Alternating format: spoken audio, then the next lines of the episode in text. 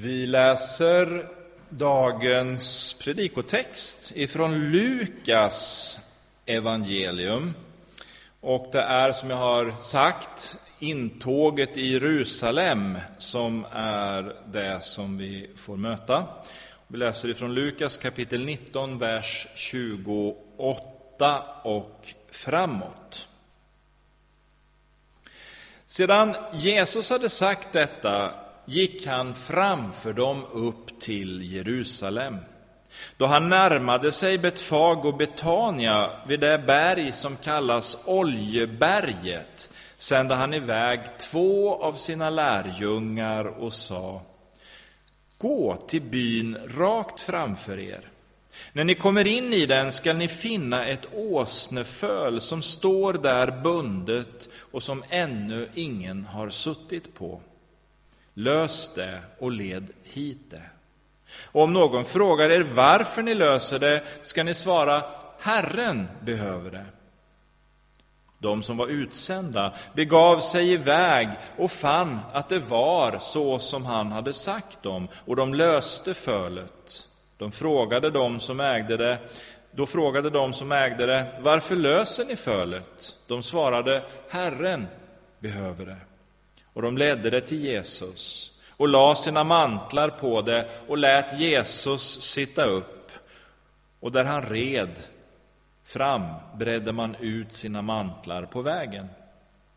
Då han närmade sig sluttningen av Oljeberget började hela skaran av lärjungar i sin glädje att prisa Gud med hög röst för att alla de kraftgärningar som de hade sett. Välsignad är han som kommer, konungen, i Herrens namn. Frid i himmelen och ära i höjden. Några fariseer i folkmassan sa då till honom, Mästare, säg åt dina lärjungar att tiga. Han svarade, jag säger er att om de tiger kommer stenarna att ropa. Vi ber. Vi tackar dig, Herre, för denna triumfatoriska och proklamatoriska väg in i Jerusalem som du hade. Och vi vill stämma in i hyllningskören och ära dig och upphöja dig och bekänna att också vi tillhör gruppen som bekänner dig som vår Herre och Frälsare. Nu ber vi att orden som vi fått läsa ska bli levande och att det som du har lagt på mitt hjärta ska få beröra oss med din ande. Låt ditt namn förhärligas och låt oss bli uppmuntrade och inspirerade. I Jesu namn. Amen. Ja, det är uppståndelse i Jerusalem. Det är den största dagen på året som är på väg att eh, komma här. Påsken närmar sig och under alla år så drar varje judisk familj som har möjlighet upp till Jerusalem. Man samlar ihop de sina, man samlar ihop det man behöver längs vägen och så går man upp till Jerusalem till den store konungens stad för att där fira den Herre som man tillhör. Och jag tror att det är så att luften riktigt vibrerar av spänning och förväntan när folket i led drar upp mot staden. Många glada återseenden förgyller högtiden. Många gläds kanske över att få ett litet avbrott av dagens mödor. Men över det här står den glädje som fyller varje judiskt bröst då man påminner sig om utkårelsen.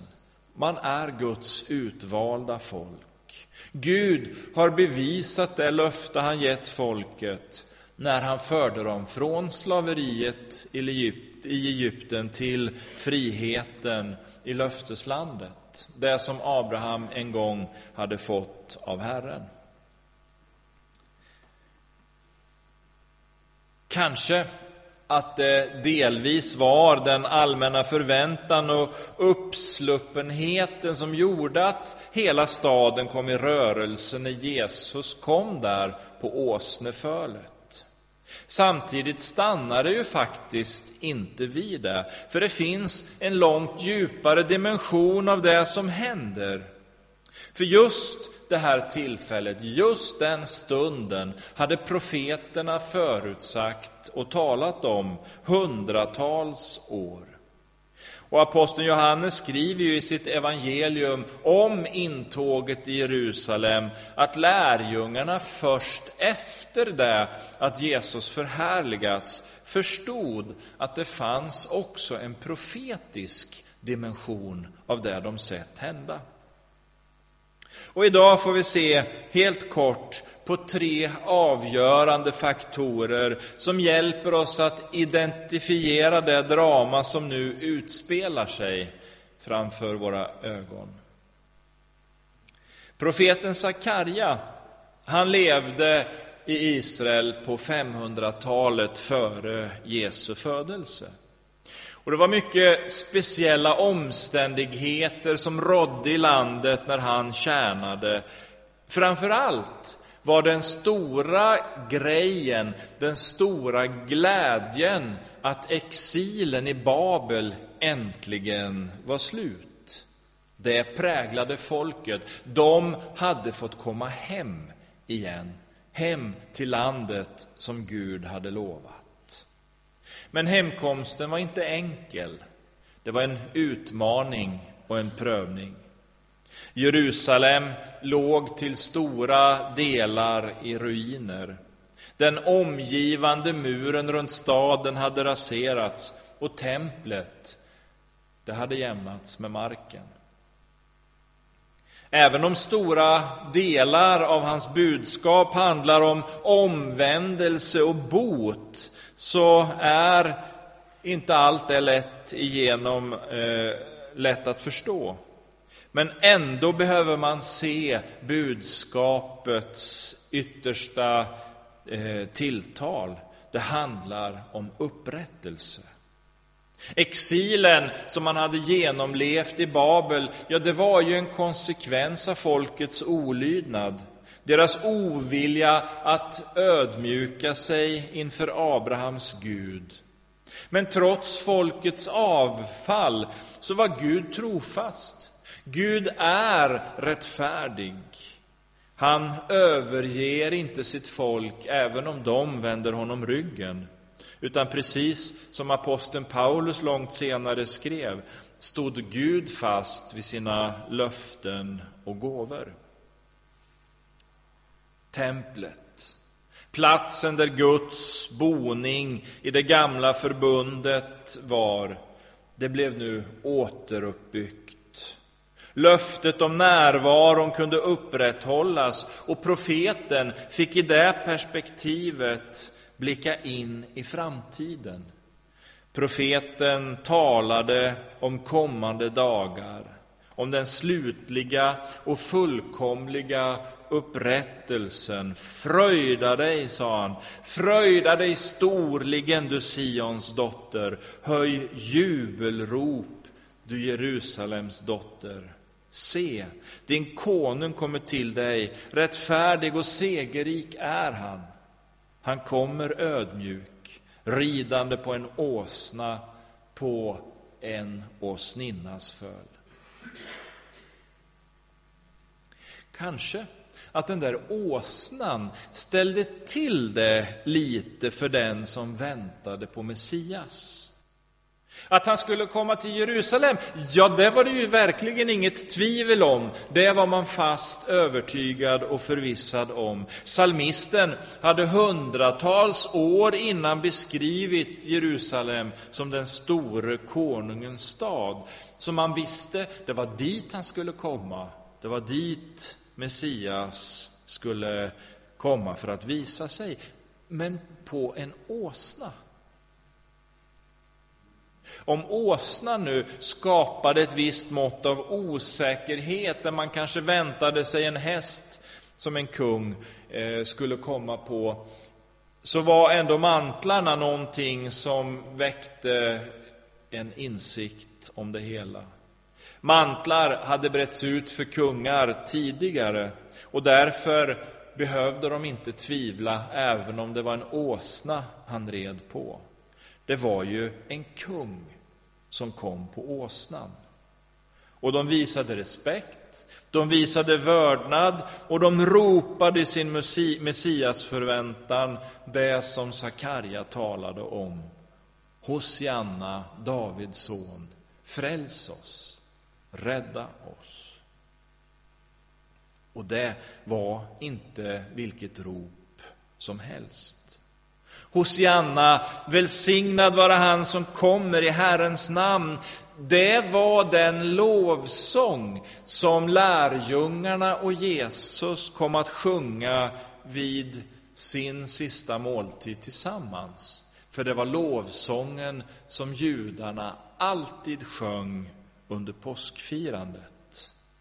Man sjöng sången varje år då man mindes hur Gud handlade med sitt förbundsfolk och hur han förde dem ifrån slaveri till frihet. Och nu fick man på nytt brista ut i sin djupa längtan efter frihet ifrån fångenskap och förtryck. Hosianna, rädda oss, Herre. Folket hade ropat till Gud under fångenskapen i Egypten. Man hade ropat till Herren i sin förtvivlan där man satt i Babel och exil med sina harpor upphängda i pilträden. Rädda oss, Gud. Ropet steg upp ifrån Israels barn genom seklerna allt eftersom man kuvades och förtrycktes. Davids son Fräls oss. Och Gud hörde. Varje gång ropet steg upp emot höjden, varje gång man sökte den heliges öron nådde orden fram. Guds helighet väckte en barmhärtighet i hans hjärta. Och genom profeten hade Gud svarat, med vrede vill jag inte komma. Från dödsrikets våld ska jag friköpa er. Från döden ska jag återlösa er. Du död, var är dina plågor? Du dödsrike, var är din ödeläggelse?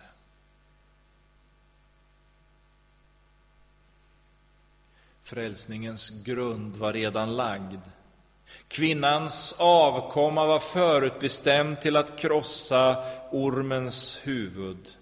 Davids son, Messias, var bestämd till att inte bara befria egendomsfolket ifrån politiskt förtryck. Nej, planen var större än det.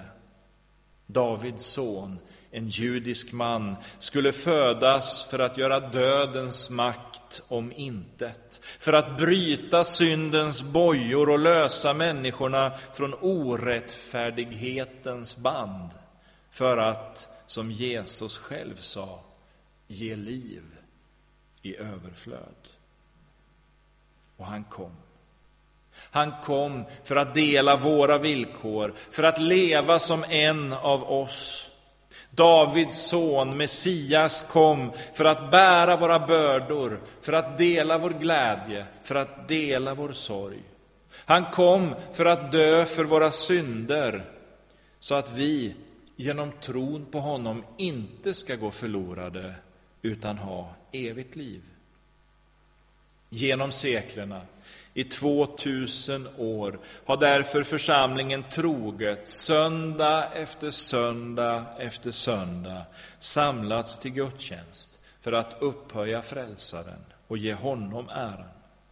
På uppståndelsens dag samlas de troende i olika kulturer, på olika sätt, för att ge Jesus äran. Synden kunde inte få honom på fall. Döden kunde inte behålla honom i sitt grepp. Orättfärdigheten kunde inte skilja Jesus från Gud. Därför har också Gud upphöjt honom över allting och gett honom namnet över alla namn. För att i Jesu namn alla knän ska böja sig i himlen, på jorden och under jorden och alla tungor bekänna Gud Fadern till ära att Jesus Kristus är Herren. Låt oss be.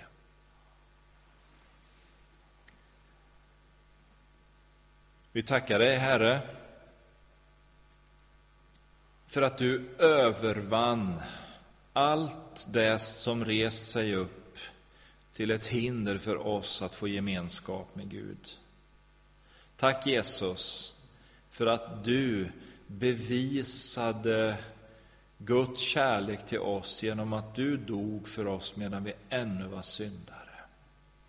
Tack att du har bringat full försoning för oss. Tack för att du genom din uppståndelse har gjort oss rättfärdiga. Vi ger dig äran, vi tillber dig och prisar dig. Och vi tackar dig Jesus. Vi tackar dig för vad du har gjort och vad du än idag gör för oss. Amen.